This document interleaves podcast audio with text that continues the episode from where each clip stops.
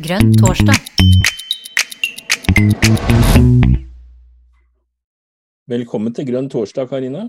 Ja, velkommen til Grønn torsdag, Jon. Utrolig fint å eh, møtes på en ordinær live Grønn torsdag igjen. Eh, det har vært eh, mye programverksteder i det siste, så det vil jeg anbefale alle som er interessert i utvikling av grønn politikk, å følge med på YouTube-kanalen vår og på podkasten vår, for der legges det ut utrolig mye kult for tida. Men det er ikke det som er temaet nå i dag. For i dag Her er smultringøkonomi, og da har vi fått besøk Eh, men først kan jeg jo si at redaksjonen på Grønn torsdag i dag, det er Karina Ødegård og meg, Jon Durås. Og gjesten, Karina? Det er en person som heter Thomas Røkås. Og vi, eh, Jon, vi møtte jo ham eh, på Smultringfestivalen i Tønsberg. Og på siste dagen eh, så holdt han et helt fantastisk innlegg som viste hvordan en kan bruke smultringøkonomimodellen som et verktøy for å tallfeste og målsette ting. Eh, og jeg ble så blown away, for å si det på godt norsk, at jeg gikk sporenstreks bort til ham etterpå og spurte du, kunne du tenke deg å være med på en grønn torsdag. Og det sa han ja til. Så um, Derfor så er det bare å ønske velkommen til deg, Thomas eh, Røkås. Eh, veldig hyggelig at du er her. Vi setter veldig stor pris på det. Eh, og du får lov til å si noen ord om deg sjøl også før du starter opp. Og så fungerer det sånn, folkens, at hvis dere har Han har forberedt et innlegg på ca. 20 minutter. Så det er lov å komme med spørsmål underveis. Og da bruker du raise hand-funksjonen, og så timer Jon eller jeg det slik at dere kommer inn på et passende sted. Thomas, ordet er ditt. Velkommen. Tusen takk. Takk for invitasjonen til Grønn torsdag. Det setter jeg veldig stor pris på. Eh, som en sånn fersk eh, uteksaminert mastergradsstudent, så er jo det veldig stort. Jeg, da, jeg ble uteksaminert fra Norges miljø- og biovitenskapelige universitet i eh, sommer. Og gått to år da under pandemi eh, på studiet internasjonale miljøstudier. Jeg vet ikke hvor mye jeg skal si om meg selv, men jeg har en bachelor i økonomi og reiseliv fra noen år tilbake i tid. Jeg har gjort en del innimellom. Jeg har reist veldig mye og jobba et år i Brasil med bærekraftig turisme. Bodd et halvt år i, i Guatemala, jungelen der med maya-indianere. Gjort mye forskjellig eh, rart. Men nå har jeg i hvert fall fått veldig interesse for smultringøkonomi, som jeg tenkte jeg skulle eh, dele litt Eh, med dere om i dag. Skal jeg bare få opp en presentasjon jeg har eh, her. Skal vi se Teknisk geni er jeg heller ikke, men eh, der har vi den, har vi ikke det? Ser dere den nå, Karina? Ja, det gjør vi. Så hvis du starter selve presentasjonen, blir det kjempebra. Nydelig. Ja. Så eh, takk for at jeg får være her. Eh, så i dag skal vi se litt på hvordan en kan bruke smultring Eh, smultringen, eh, eller den norske økonomien, hvordan en kan se den i et smultringperspektiv. Jeg drar da eh, erfaringer fra min oppgave. Bare som en bakgrunn, introduksjon, så har den globale økonomien den har jo mangedoblet seg de seneste tiårene. Og med denne menneskelige aktiviteten, denne produktiviteten, så har vi nedgradert og fortsetter å nedgradere økosystemer over hele verden. Eh, og Noen forskere mener også at vi, at vi allerede overskrider noen av eh, planetens tålegrenser. Det er et konsept som noen forskere kom opp med i 2009, eh, hvor de definerer ni essensielle sånn jordsystemprosesser som vi mennesker burde respektere om, vi, om, vi, ønsker et stabilt eh, klima og miljø som kan gi oss det vi trenger av eh, materiale goder, mat og drikke osv. I tillegg da, til at vi bruker veldig mye naturressurser, så øker de sosiale ulikhetene i verden. Eh, så da kan en jo spørre seg er det på tide med ny samfunnsretning. Kate Ravert da, hun foreslår jo da smultringen, eller smultringøkonomi, som et alternativ. Og det hun gir oss eh, rett og slett et nytt økonomisk formål, istedenfor å fokusere veldig mye på vekst eh, og det å måle eh, velferd i brutto nasjonalprodukt, som er det, det vanlige nå. Så og liksom ta det som et endemål i seg selv, så burde vi heller fokusere på å, eh, at alle mennesker får dekket sine grunnleggende behov innenfor da disse planetens tålegrenser. Og det er jo da essensielt denne smultringen. Eh, så hun gir oss da noen verktøy, nemlig tålegrenser. Eh, ni planetære eh, fra dette planetens tålegrensekonsept, og tolv sosiale tålegrenser som er hentet da fra FNs bærekraftsmål.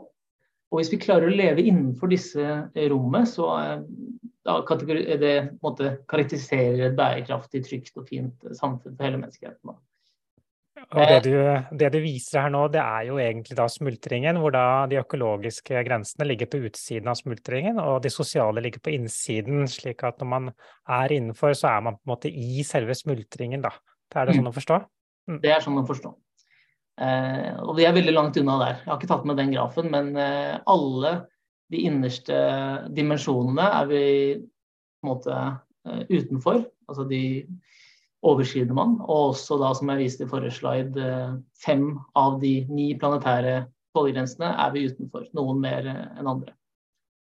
Uansett, denne modellen som Kate kommer opp med, det er en global modell. Eh, men flere ønsker å ta den i bruk da, på subglobale nivåer, nasjonalt, eh, lokale beslutningstakere. Men det å bare nedskalere modellen sånn eh, Det er ikke bare bare. Eh, fordi bl.a. at noen sånne økosystemprosesser de er heterogene. Jeg skal komme tilbake til dette, hva dette innebærer. og også det at en oppfatning av et godt liv det kan jo variere veldig fra sted til sted og fra kultur til mellom kulturer. Da. Så noen av disse utfordringene det var det jeg ønsker å måtte takle da, i min masteroppgave, som hadde mål, et mål om å definere en sosialt og økologisk bærekraftig økonomi for Norge gjennom da å bruke smultringen.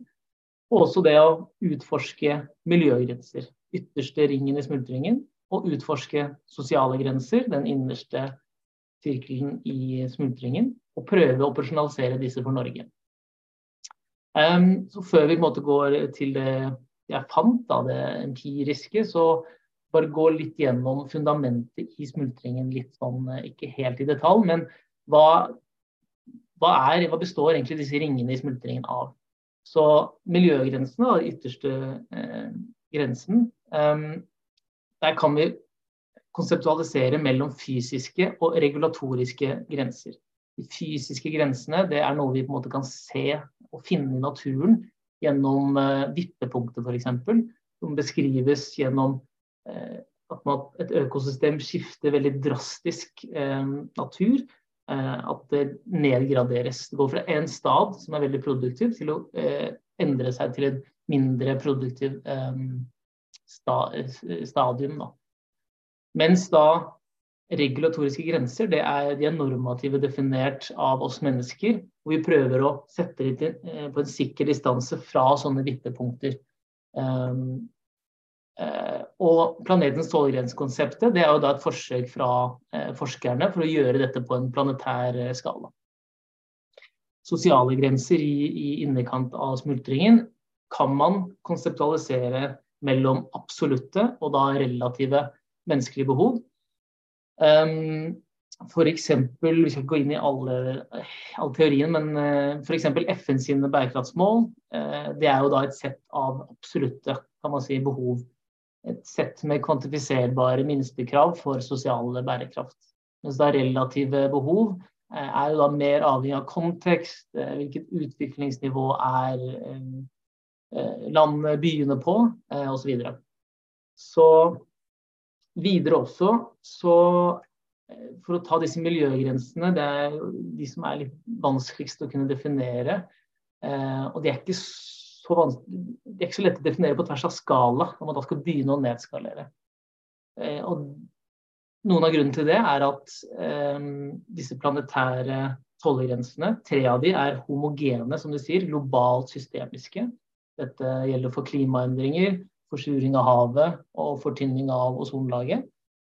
Eh, og for disse tre så kan man måte eh, nedskalere det fra et ovenfra-ned-perspektiv. Man kan ta måte, den definerte grenseverdien, som da forskerne har tatt, ja, definert, da, og distribuere det ut på subglobale nivåer, nasjonalt, kommunalt osv.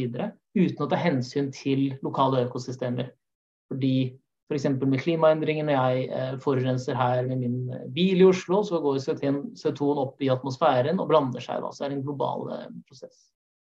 Mens eh, seks av de andre planetære tålegrensene de er såkalt heterogene. Det er lokale prosesser eh, som har sånne vippepunkter i lokale, regionale økosystemer. Og disse må en da finne, og prøve å definere, sette regulatoriske grenser og så kan man eventuelt da etterpå aggregere til et nasjonalt eller globalt eh, nivå. Så det er en ganske viktig eh, dis distinction da, som, eh, ja, som er viktig å ha med seg. Også sånne miljøgrenser de kan jo variere mellom tid og sted. F.eks. en vannforekomst i Norge og i Sør-Afrika f.eks. kan ha helt forskjellige sånn, eh, Det kan variere veldig fra når f.eks. Eh, disse eh, hvor algeoppblomstringer skjer, da, eh, med tanke på hvor mye nitrogen tilsig det får fra jordbur f.eks., så kan nivået på nitrogen når algeoppblomstringa skjer, det kan jo variere veldig fra ulike vannforekomster i Norge og på tvers av land. Så eh, dette må man ta hensyn til. Og også i en global økonomi hvor eh, varer og tjenester fyker rundt overalt hele tida, så er William Kapp sitt eh, konsept om kostskifting essensielt. Det innebærer da at vi her i Norge f.eks.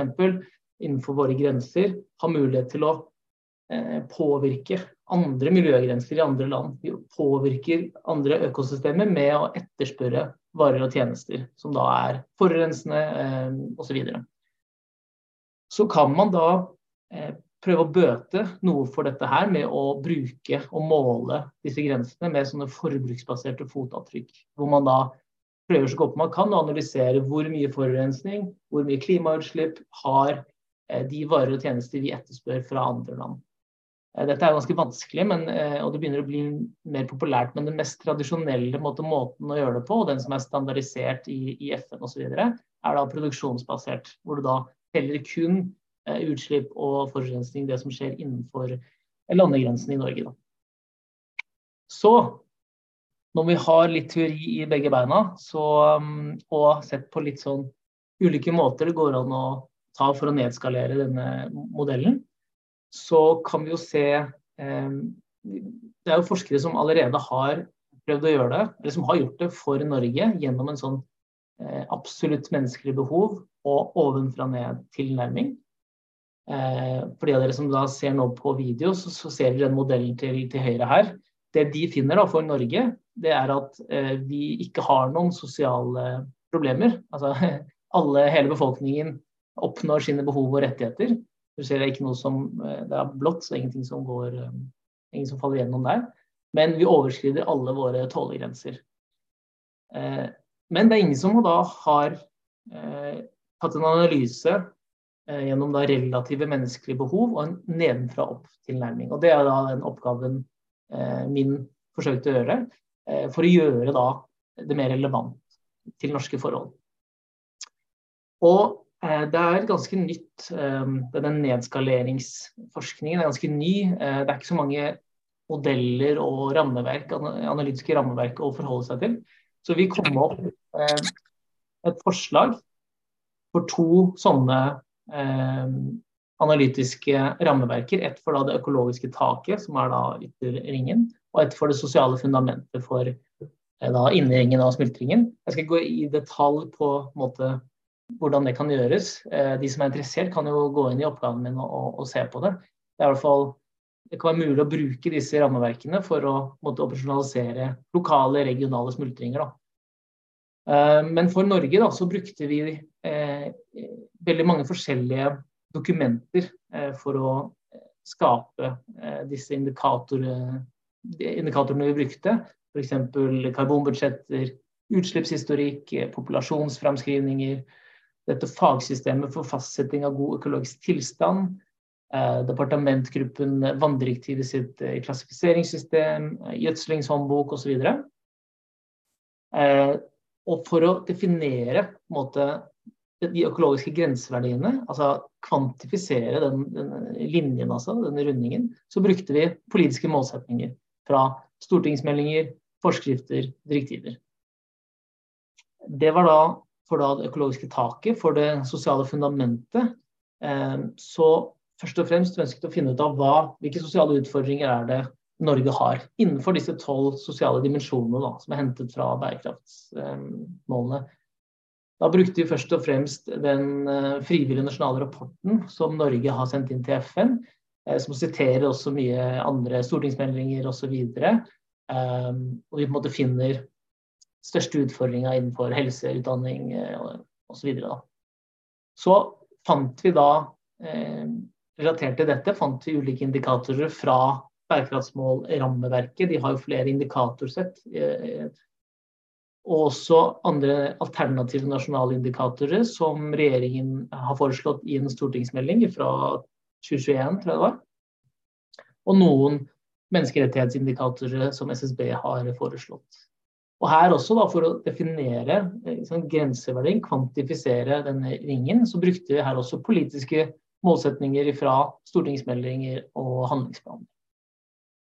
Så når vi da brukte denne metoden her, så kom vi opp med da et sett av eh, eh, tolv eh, Det er vel tolv økologiske og ni eh, Nei, ni økologiske og tolv sosiale eh, dimensjoner.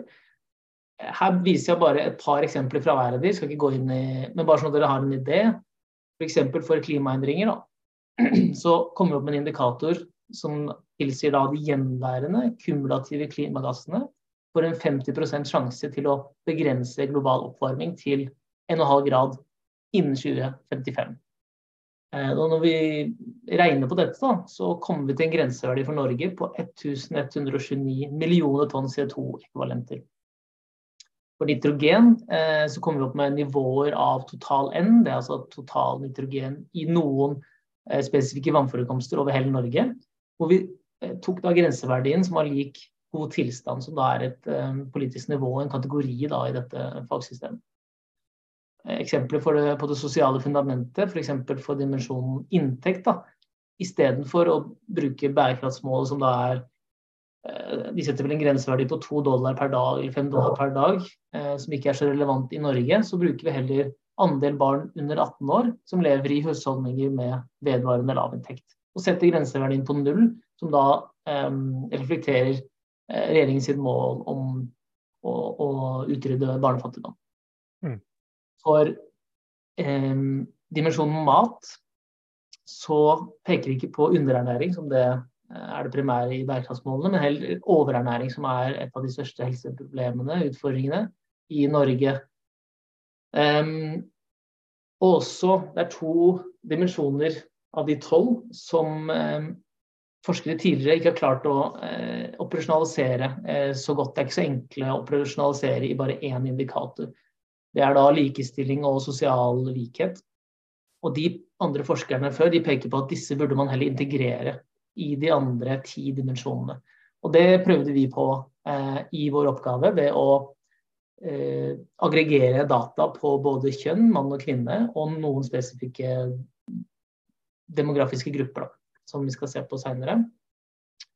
Men da, når vi da har fastsatt disse grenseverdiene, disse indikatorene, og henta inn data eh, fra både økologiske og disse sosiale dataene, så kan vi jo da visualisere smultringen til Norge.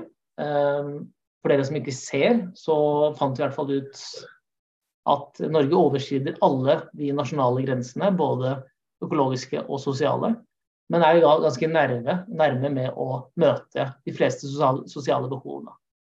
Eh, kan bemerke oss at man faller 30% av den generelle befolkninga faller gjennom for mat. Eh, og 18,2% av befolkninga, generelle befolkninga faller gjennom for da, politisk medbestemmelse. Um, og så finner vi også ut at for at Norge skal respektere sitt, sin rettferdige andel av det globale karbonbudsjettet, så er det da faktisk nødvendig med negative årlige utslipp lik nesten 38 millioner tonn CO2-ekvivalenter for eh, dimensjonen klimaendringer og 13 millioner tonn CO2 for dimensjonen forsuring av havet. Og dette er jo ganske ekstreme tall eh, kontra måte den politikken som føres i dag. Men det er jo basert på helt andre etiske og altså rettferdighetsprinsipper. da. Det er faktisk veldig, veldig, spennende og store og litt ekstreme tall, som du sier. Eh, kan du si litt om hvordan denne grenseverdien for CO2 for Norge kom fram? Altså, altså hvordan er det regnet fram til den grenseverdien? Ja, det er en litt sånn eh, teknisk kalkyle, holdt jeg på å si. Men eh, jeg har tatt da eh, først og fremst det globale klimagassutslippet, nei, klimabudsjettet fra da 2020 fram til eh, 2055 Eller nei, det er det forskerne Det er det, det gjenværende klimagassbudsjettet.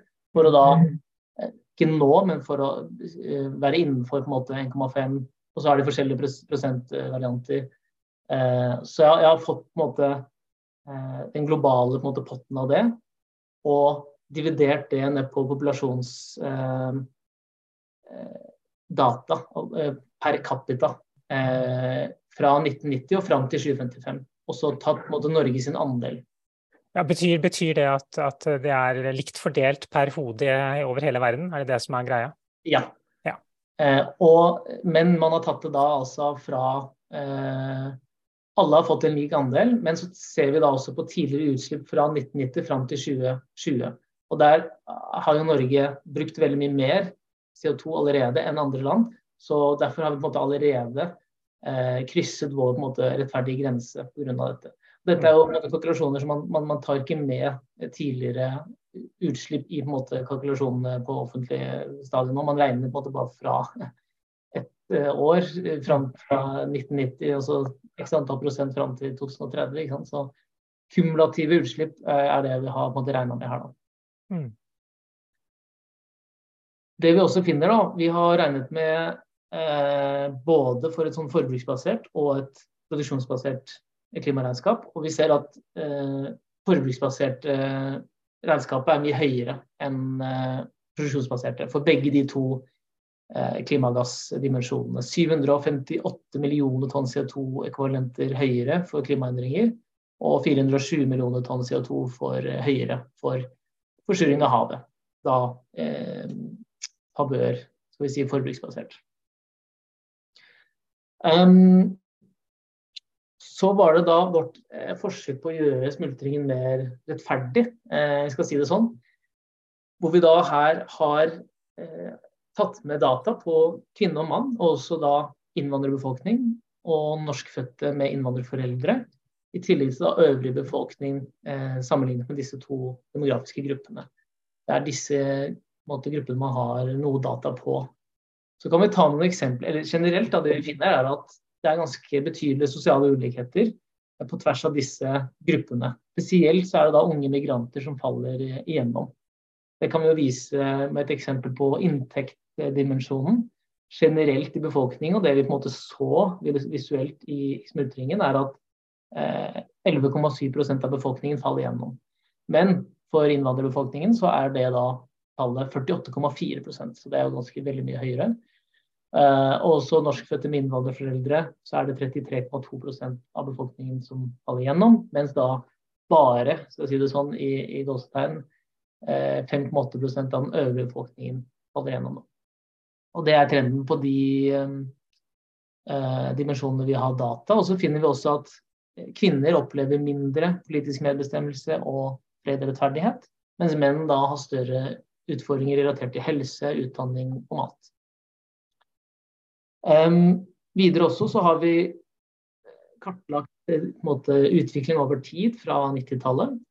Uh, for de sosiale mm, dimensjonene så har Norge da sørget befolkningen for mer utdanning, uh, ren energi og politisk medbestemmelse sånn generelt. da. Vi ser at noen av kurvene går nedover for de av dere som, som ser det. Nærme mot den grønne linjen, som da er grenseverdien. Eh, men vi ser for majoriteten av dimensjonene så har man ikke klart å tette gapet, for å si det sånn. For de fleste dimensjonene så ligger noen prosentpoeng av befolkningen og vaker over.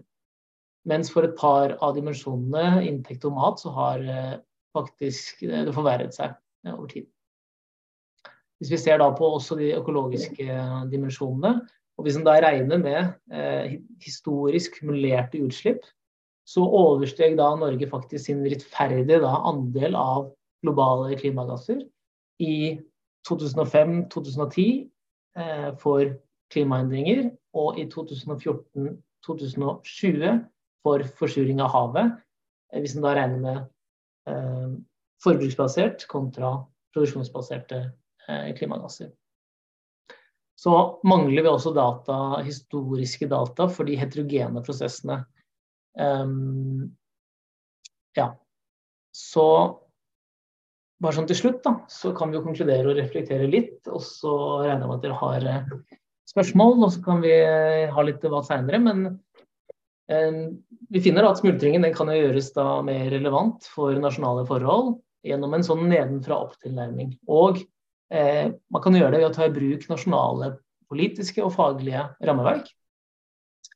Eh, man må, man må, da være spesifikk om de biofysiske egenskapene til planetære tålegrenser, samt legge til grunn at menneskers behov og, og rettigheter varierer da fra sted til sted.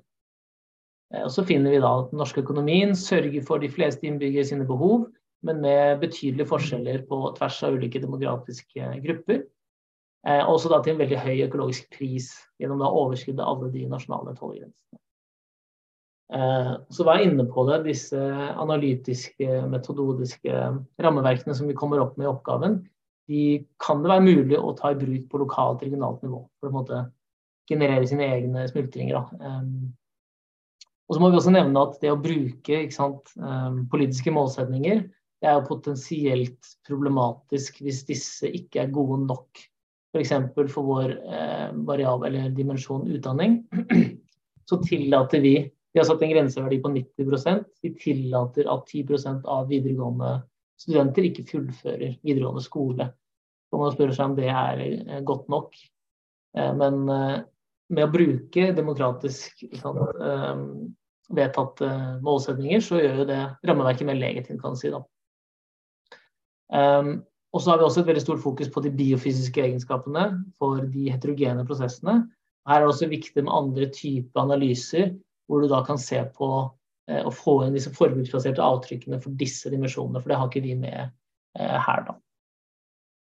Så da eh, bare takke litt til spesielt de to veilederne jeg har hatt da, på NMBU, Erik Omes Baggetun og Morten Gjerven, og noen andre personer som jeg henvendte meg til i mastergrad arbeidet. Noen referanser da fra, som jeg har tatt med i presentasjonen, og så bare takke veldig for meg. Yes. Supert. Tusen, tusen takk, eh, Thomas. Eh, du nevnte at de som har lyst til å lese rapporten, eh, eller oppgaven din, de kan jo gjøre det. Hvor er den tilgjengelig? Hvor er det, hvor er det lettest å få tak i den? Jeg kan copy-paste den inn i, i chatten her. Ja, det kan du gjøre. Får vi lov til å legge inn en lenke på nettsiden grontorstad.no også? Absolutt, det må dere veldig gjerne gjøre. Ja. Så bare bruke den linken her. Det skal være en sånn vedvarende link. Veldig, veldig bra. Da vet dere det, folkens. Da er det gull i chatten her, eh, som dere kan trykke på og se på etter at dette er ferdig. gull i chatten, det er bra, Karina. Det har allerede kommet noe gull i chatten før, da. Noen spørsmål. Ja, ja noe, av det, noe, av det, har jeg, har jeg fått stilt videre. Um, men du, du, kan jo si litt om det, fordi at noen steder så snakket om det å falle gjennom, Thomas. Eh, og liksom, det er jo veldig billedlig. Kan du si litt om hva det vil si å falle gjennom på disse parameterne? Ja, man bruker ofte falle gjennom på de sosiale perspektivene, og så overskride da for de økologiske perspektivene. Så å mm. falle gjennom sosialt, det er at man ikke Mennesker som ikke da eh, oppnår på en måte minstekravet som er satt, da. Eh, i FNs bærekraftsmål, så hvis man ikke f.eks. tjener to dollar, så faller man gjennom. Da oppnår man ikke på en måte grenseverdien. I Norge, hvis eh, man ikke fullfører videregående skole, som på en måte er den dimensjonen eller grenseverdien jeg har satt, så faller man gjennom. Uh, så håper det er forståelig. Mm. Her kommer folk på som vi, vi spør om ting. Det er bra. Ja. Uh, Oi. Skal vi bare slippe de på, Karina? Eller hadde du ja. lyst til å spørre? Nei, kan vi ikke gjøre det? Eh, ja, kanskje jeg brenner inne med et lite spørsmål, så kanskje hvis jeg får lov til å ta det spørsmålet først når jeg tenker meg Tusen takk, Jon, for at du gir meg ordet til, eh, til det. Um, ja, Men da må du gi meg ordet etterpå, da, så jeg kan ja. videre. um, det er uh, Nå har jo du jobbet en del med, med dette, Thomas, uh, og, det blir jo veldig faglig for så vidt. Hvordan, og så er det slik at Miljøpartiet De Grønne de har jo vi har jo, får jeg nesten si, siden jeg representerer Miljøpartiet De Grønne også, eh, har jo programfestet eh, at vi skal bruke eh, smultringøkonomien som modell for om vi ønsker å, å innrette oss. Har du noen tanker på hvordan vi rent sånn praktisk skal gjøre det? Mm.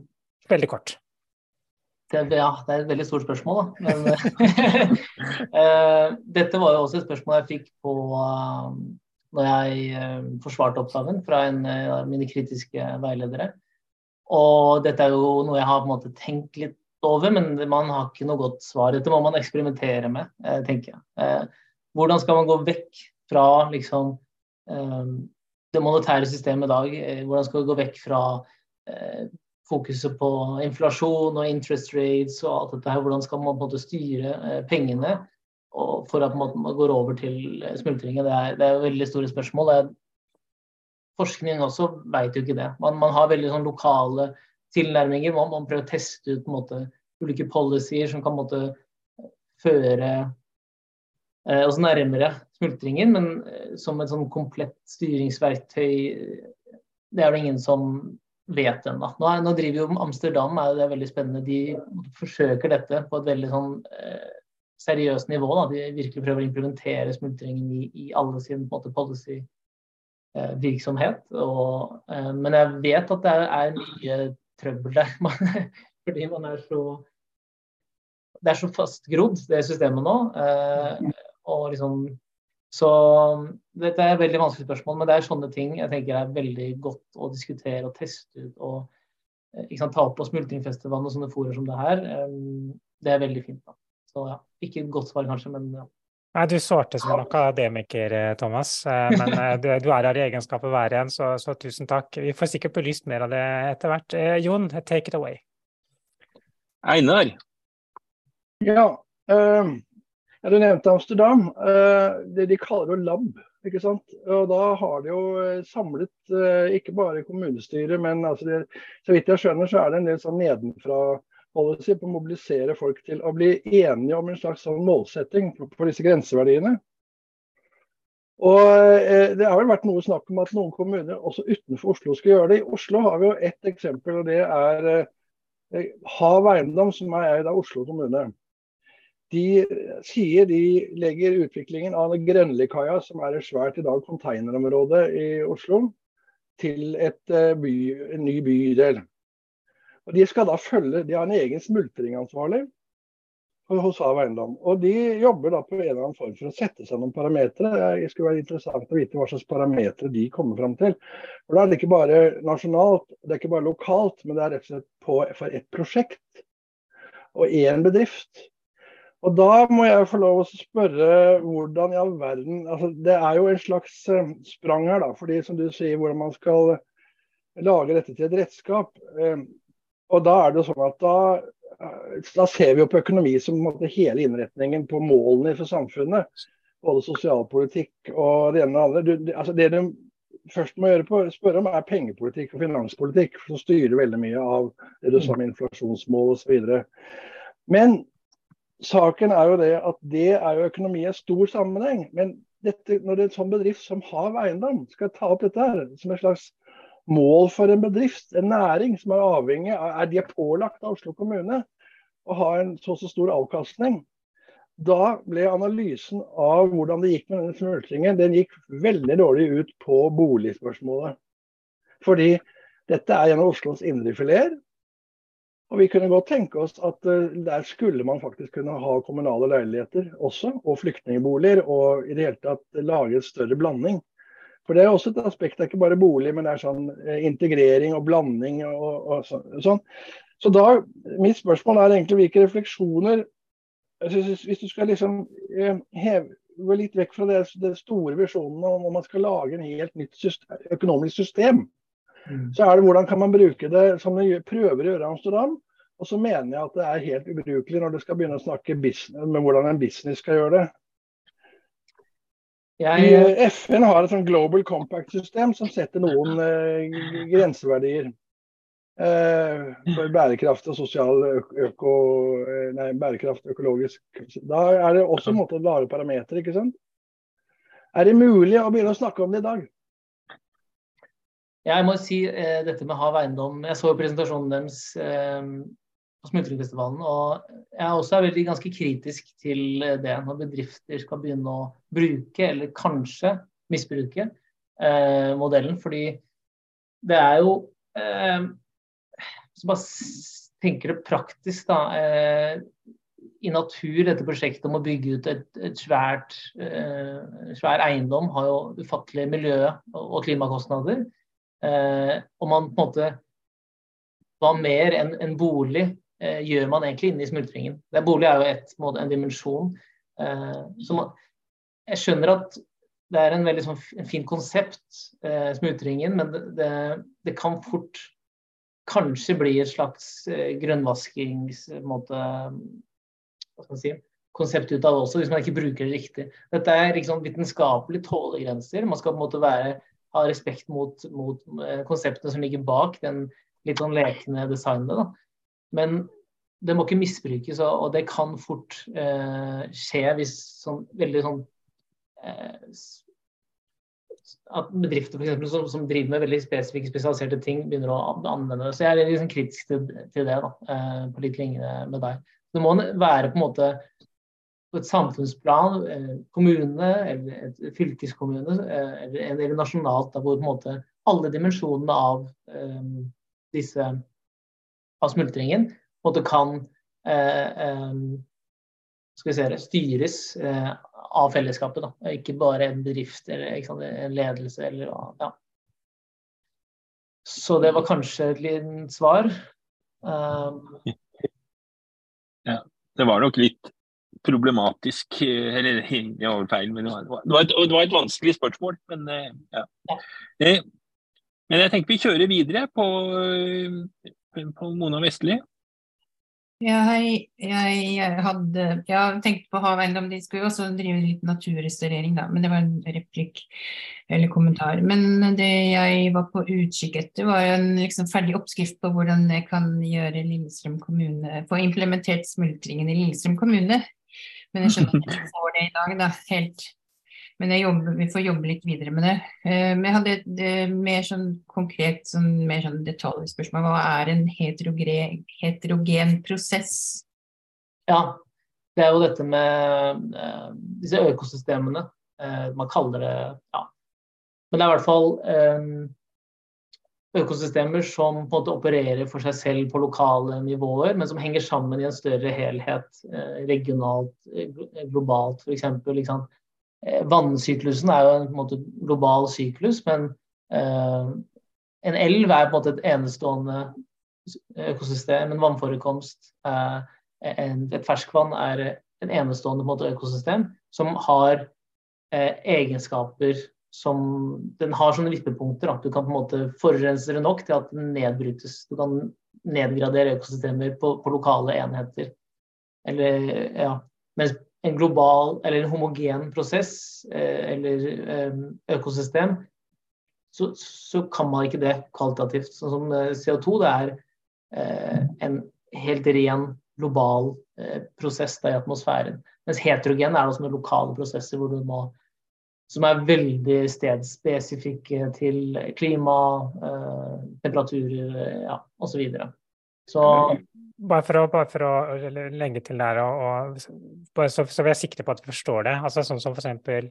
Eh, um, eh, lokal, lokal, luftkvalitet, det er jo eh, Eller luftkvalitet blir da heterogent. fordi det kan være helt OK på globalt nivå, men være veldig veldig ugreit på lokalt nivå. Eh, næringssalter, fosfor, nitrogen osv. er jo åpenbart også noe som kan ha store lokale forskyvninger uten at det egentlig betyr så mye globalt.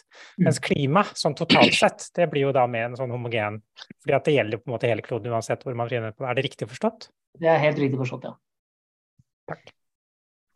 Og bare med tanke med Lillestrøm kommune og en oppskrift. Disse rammeverkene jeg snakker om, er en slags oppskrift på det. Eh, og hvis man følger på en måte de fagsystemene og de Jeg bruker jo bare offentlige kilder, eh, så alle kan gå inn og bruke det til vannportal f.eks. Eh, så hvis man bruker på en måte eh, rammeverkene, også de samme kildene, så kan man begynne å bruke dette her på kommunalt nivå også. Eh, kanskje med noen justeringer, men ja. Der hadde jeg en sånn oppfølging helt klart knytta til det. da Jeg bor i en relativt liten kommune eh, som da ikke har noe særlig ressurser til å gjøre som vi har en eh, miljøvernrådgiver. Men eh, holder det med en miljøvernrådgiver, eller burde vi ha vært sånn som fylkeskommunen, som da har en hel gjeng med folk. Jeg er litt usikker på hvor mange det er, men i hvert fall mer enn den ene jeg har. Men eh, eh, jo hvor ressurssterk må man være for å greie å lage en lokal en, er jo egentlig det, eh, det, det jeg lurer litt på, da. Mm.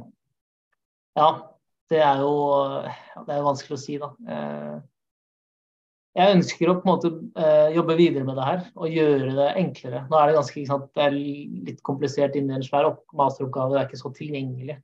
Så jeg ønsker å jobbe videre med det hvis jeg får mulighet, og, og gjøre ja, det enkelt for Eh, på en måte finne fram moduler som eh, kommuner eh, kan på en måte bare plotte inn sine tall, hvis du skjønner hva jeg mener. og at dette her kan på en måte genereres litt mer tilgjengelig. Man, man, man, bruker jo disse samme fagsystemene og disse kildene som jeg sier. Så jeg håper at jeg kan gjøre det. At ikke alle må sitte hver for seg og plyndre med gjennom masse tekniske ting og, og, formler og metoder og det som er. Men ja, så jeg må nesten få på en doktorgrad eller et eller annet som jeg kan drive og Ja, jeg forsøker vel å selge deg inn nå, tror jeg. Ja. ja. Men, men, det er jo et, som et styringsverktøy, da. Men eh, Hanne Ferhagen, vær så god. Ja, takk. Jeg hadde spørsmål om forbruksbasert klimagassutslipp i forhold til produksjonsbasert. Eh, for du sa jo at eh, FN bruker jo det produksjonsbaserte og det er jo det òg, særlig høyreregjeringa og sikkert nåværende regjering òg, på en måte gjemmer seg litt bak, syns jeg. da, For jeg er veldig fan av forbruksbasert. Um, og det er jo det olje, norsk oljebransje òg gjemmer seg bak. For det, å nei, det er ikke noe utslipp her, det skjer i de andre landene som kjøper olje og gass herfra. Og vi, MDG, eller jeg skrev en resolusjon på vegne av MDG Trøndelag som ikke ble vedtatt på LM, da, men som handla om det her med at eh, næringslivet de har jo allerede begynt å klimamerke eh, varene sine. Toro, Orkla f.eks. Og nå ser vi at Vasa, knekkebrød og nå holder på med det. En sånn svak, en enkel start da, eh, med lavt karbonavtrykk eller klimaavtrykk og sånn. Men eh, mener du at det er riktig altså, Og så har vi det her Ducky, ikke sant. Og det finnes jo noen, som, noen apper som du kan måle ditt eget klimagass eller fotavtrykk da Mm. Men eh, ser du noe endring og utvikling i det her? At eh, verden, F, eller FN, går mer mot å også måle forbruksbasert? Da? Fordi vi har regjeringer som, som overser det, eh, og ikke setter de rammene vi trenger da, for å senke avtrykket. Og, og, så har du næringslivet som har en ganske stor vilje, egentlig, for der er det litt konkurranse, det er taksonomi osv. Og, så og så har vi alle forbrukerne i Norge for eksempel, som, som ikke ser at de sjøl trenger å gjøre noe. Det er liksom staten som skal fikse det her. Så ja, Om du har noen kommentarer på det, da, om du ser noe utvikling i det internasjonalt, eller hva du syns, da. Takk. Det, jeg tror det er en grunn til at det er det produksjonsbaserte eh, forbruk, eh, regnskapet som er eh, normen i, disse, i FN og sånn. Det er de rike, velstående landene som har mye makt i disse organene. Eh, og det er også disse landene som har eh, outsourca sin produksjon, hvor mye av liksom, klimagassene har oppstått før i, i våre rike land. Eh, så det å kalkulere med produksjonsbasert regnskap i Norge, USA, rike land som ikke har så mye industri, det gagner oss utrolig godt kontra da disse landene. F.eks. Kina, som eh, produserer det er jo fabrikken til hele verden. De får alle disse utslippene fra Tesla til sant, alt plast og det kom på sitt måte, klimaregnskap. Og jeg skjønner at de syns at det er urettferdig, for det er jo og tjenester som eh, vi i rike land etterspør. Så For at det skal bli en, mener jeg, da, en rettferdig klimapolitikk, så må eh, defaulten endres fra produksjon til forbruksbasert. Utviklinga, jeg tror ikke dessverre jeg, jeg, tror ikke det, altså, det, ikke, det, går ikke imot det på en sånn global konsensus. Du ser i disse koppene her. Det blir ikke nevnt engang. Det, er, det er ikke oppe som et uh, diskusjonstema omtrent. Uh, så jeg tror nesten det må komme fra nedenfra. Uh, vi forbrukere krever mer. Og så håper jeg også at firmaer At det blir en konkurranse innad med firmaer. Jeg vet at Ducky, som de sier, har en god venn som jobber der, som arrangerer Jeg tror han er her til stede òg, Anders Holm. Um, som arrangerer sant, konkurranser for firmaer for å, få ned sine forbruksbaserte regnskap. Jeg tror informasjon er veldig viktig, og at det kommer bevegelse nedenfra. Jeg tror ikke det kommer til å skje på et globalt nivå. og Nasjonalt eh, Jeg vet at sant, Framtiden våre hender er flere organisasjoner som kommer ut med rapporter som prøver å kalkulere og fremme forbruksbaserte eh, klimaregnskap, men det, det, er fortsatt så smått. Så ja, jeg, jeg håper, men jeg er ikke sånn veldig optimistisk jeg, jeg, jeg, poster inn en sånn annen artikkel hvor jeg, skrev om uh, litt eller Jeg skrev akkurat, akkurat om det her. Og også andre måter å Det finnes jo ikke bare disse to, men også andre måter å kalkulere på. Så hvis vi måtte kalkulere inn uh, de klimagassene som vi eksporterer fra vår produksjon, som da vi tjener masse penger på, så er jo regnskapet vårt ekstremt høyt. Så de som har lyst, kan jo trykke seg inn på den artikkelen. Takk. Eh, Ivar, eh, det er fremdeles mulighet til å tegne seg, så kast dere på hvis dere har noe. Vær så god, Ivar. Mm. Ja, god kveld. Jeg syns jo dere var kjempeinteressant. Eh, så det er jo mye detaljer inni det du forteller. Det har jo mange, Jeg ser jo at du kan utvide og du kan bruke det i mange forskjellige sammenhenger. På kommunalt, statlig og i små kommuner i store byer. Jeg kommer fra Trondheim her nå. Eh, jeg har tre spørsmål. Eh, det ene var jo at eh, det her minner meg litt om det han Ove Jacobsen fra Bodø. Jeg vet ikke om du har sikkert litt kjennskap til han. Mm. Han var jo her i, i, MDG og i Trondheim her og holdt et foredrag. Så har jo det litt friskt i minne. Så bare litt trekk noen sammenhenger der. Og det andre er jo det at når vi snakker om lokale prosesser, ikke sant, det heterogene, så tenker jeg på at uh, sånne som uh, aktører som Nina, uh, som, som, som, driver med, med å, å, registrere da, det biologiske mangfoldet, jeg tenker at det må være noen in, nye indikatorer der som vi ikke har noe kjennskap til. så det er jo det som blir viktig, tenker jeg at det må jo bli at vi da utvikler nye måleinstrument og indikatorer for å, for å registrere alt det som skal registreres, er jo et kjempeoppgave. Mm. Men så har vi også da Miljødirektoratet igjen. Da, ikke sant? Vi har mange sånne statlige aktører som i dag har masse informasjon eh, som da kan brukes. Eh, for jeg tenker også at det kan være et, eh, et klimaregnskap egentlig òg, som kan brukes da. Eh, sånn som jeg, blitt, eh, som jeg, har fått litt inntrykk av. Jeg vet ikke om du kan si noe om det, om det, om det kan være en måte å starte på. Uh, innenfor klimaregnskap. Om du kan utvikle noen modeller der som vi kan bygge på videre, som kan ta for seg sosiale regnskap og, og, og litt flere ting etter hvert. da. Så at kan, sånn at det kan modnes og at folk kan bli klar over hva, hva egentlig her dreier seg om. Uh, gjør det enkelt til å begynne med. Mm. Uh, takk. Det var det jeg ville bare ja, ja. gi uttrykk for. Ta det, første, det andre spørsmålet først, med dette med Nina og Jeg har brukt mye av arbeidet til Nina i oppgaven her. Eh, den ene indikatoren, eh, økologisk tilstand, dette med Jeg har kalt den eh, økosystemintegritet. Jeg har på en måte lagd en, en, ny dimensjon for Norge som inkluderer noen av de globale, ved å bruke som fagsystem for økologisk tilstand, som forskere fra NINA har, de har lagd et sånn eh, system for å kartlegge hva slags tilstand eh, skogsystemet i Norge er. Eh, og dette er en fersk rapport fra 2021, hvor de prøver å operasjonalisere da, politiske mål. De prøver å lage systemer eh, som man kan bruke da, og hvor man kan hente data. Jo nå, nå, eksperimenterer man med sånne systemer, men det, dette kan man jo bygge på. Lage f.eks. databaser hvor man kan gå inn og se hvert år, utviklinga, Men det er, det er fortsatt så nytt, da, så kan si det sånn, med, uh, med, med, sånne kartlegginger av, av tilstand og økosystemer på en sånn, uh, på sånn spesifikk måte. Så, men ja, det er alt dette Det er det som har vært veldig fint og utfordrende med oppgaven her. er på en måte alle disse forskjellige dimensjonene økologiske er på forskjellige eh, institusjoner eh, i Norge, på en måte. De samarbeider ikke så mye.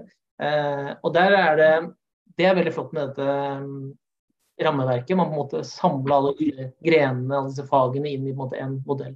Og så eh, ja, man kan lage systemer for at sånn data kan på en måte integreres. Eller, ja, det er jo store spørsmål, men um, ja, men det er jo all den uh, innovative forskninga som, som, jeg bruker. da. Og så vet jeg ikke helt om jeg forsto dette med sosiale, eh, som du sa. Jeg skal i hvert fall først kanskje komme tilbake til det, men det med han Ove Jacobsen, han er jo forsker oppe i Nord universitet, og han er jo ekspert på da økologisk økonomi, som er en alternativ eh, form, teori, økonomifaget, som ingen eh, økonomistudenter lærer, dessverre, men som har eh, mange teorier som denne smultringen eh, bruker. Um, F.eks. dette med tålegrenser er jo helt eh, essensielt i økologisk økonomi. Eh, Jacobsen, dette med at eh, økonomien er en del av biosfæren.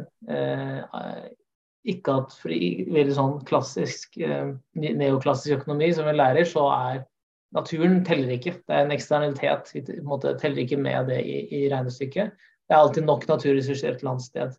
Mens da Ove Jacobsen og økologiske økonomer de sier at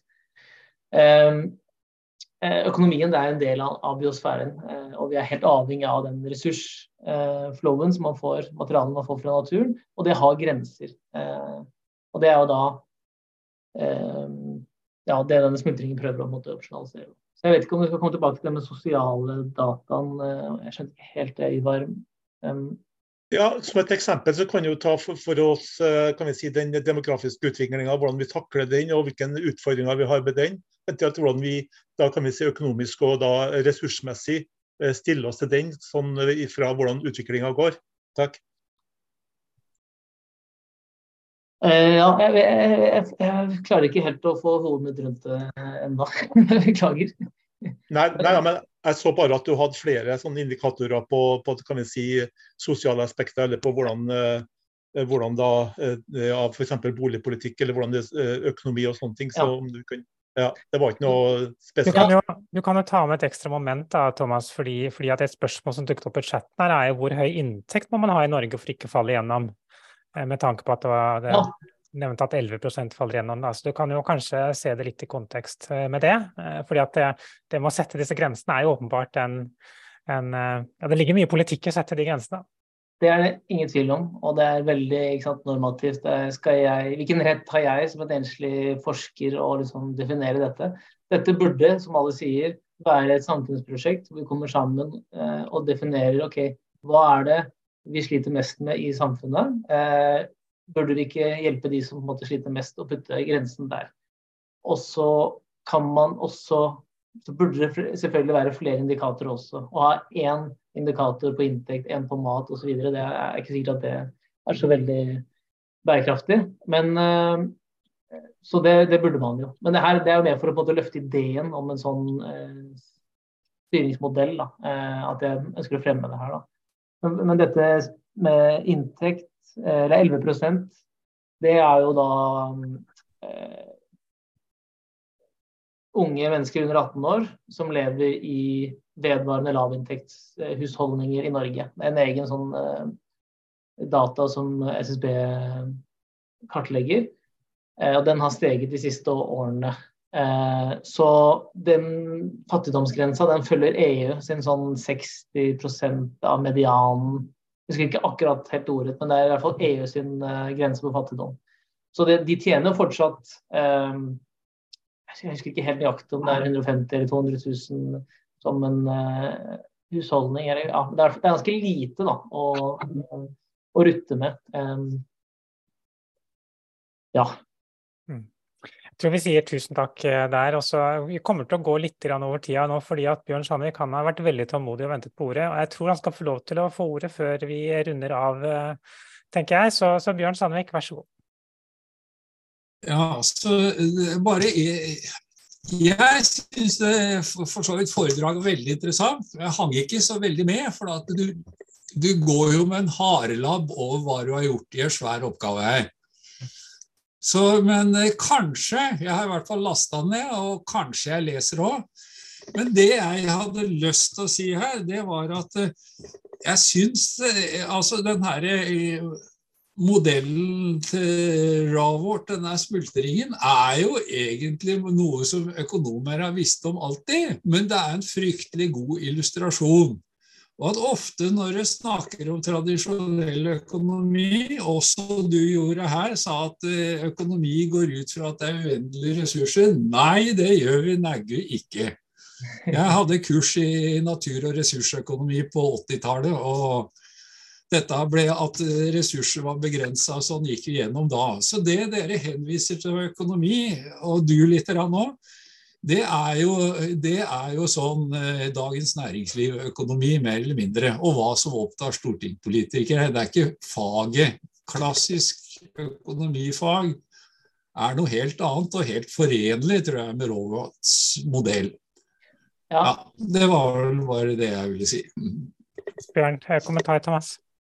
Ja, nei, eh, ja, det er litt overdrevent. Eh, klassisk økonomi eh, er på en måte bedre enn neoklassisk økonomi, som er, har vi sett mye mer av de siste tiårene. Fra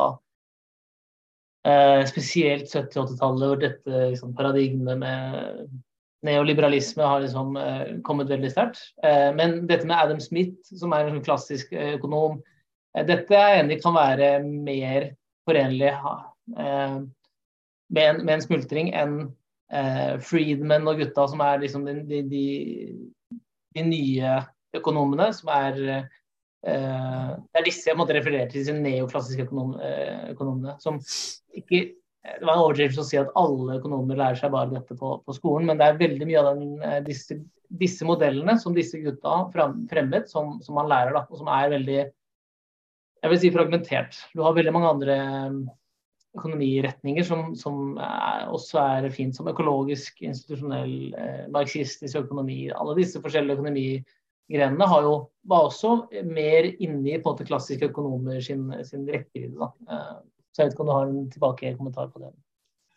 Ja, jeg vil nok si at, eh, at, eh, når jeg sa klassisk, så mente jeg nyklassisk. Altså Nyklassisk økonomi er på det, men det er, og nyklassisk økonomi er veldig mye annet enn Friedmann og disse her gutta. Og det er jo rett at en del finansøkonomer har ønska at det nesten ikke skal være statlig styring og sånn, men dette er en del av den som har slått igjennom, men økonomi som fag har nettopp, sånn som jeg sa, har jobba med naturressursmodeller og alt mulig sånt noe i, og forurensning og alt sånt i, i hvert fall siden jeg lærte om det da en gang på 80-tallet.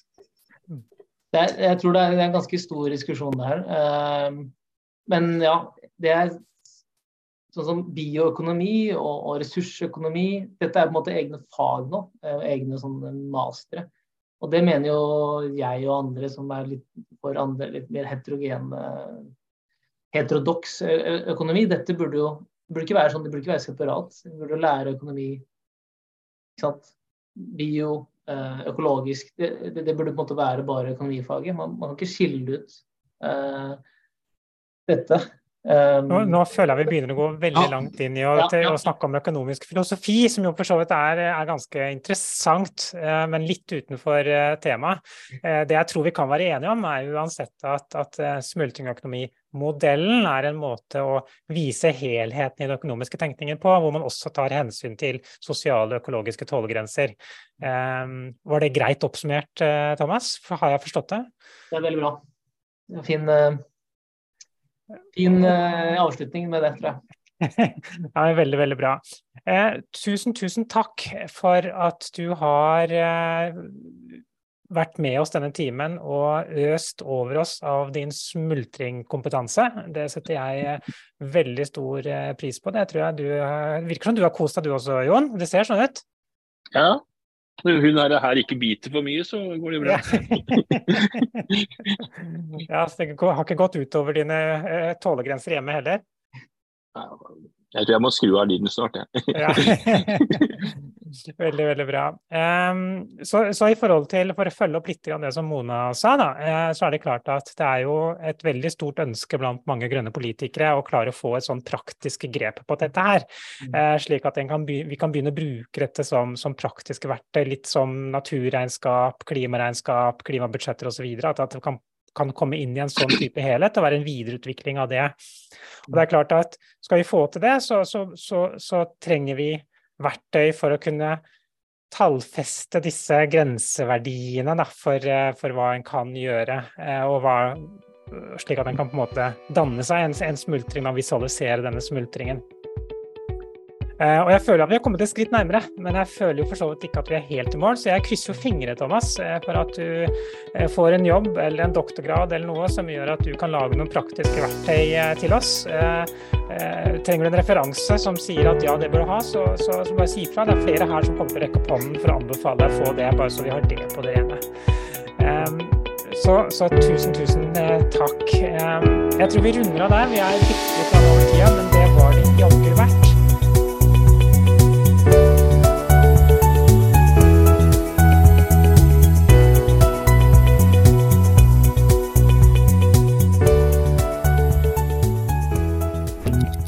Grønn torsdag.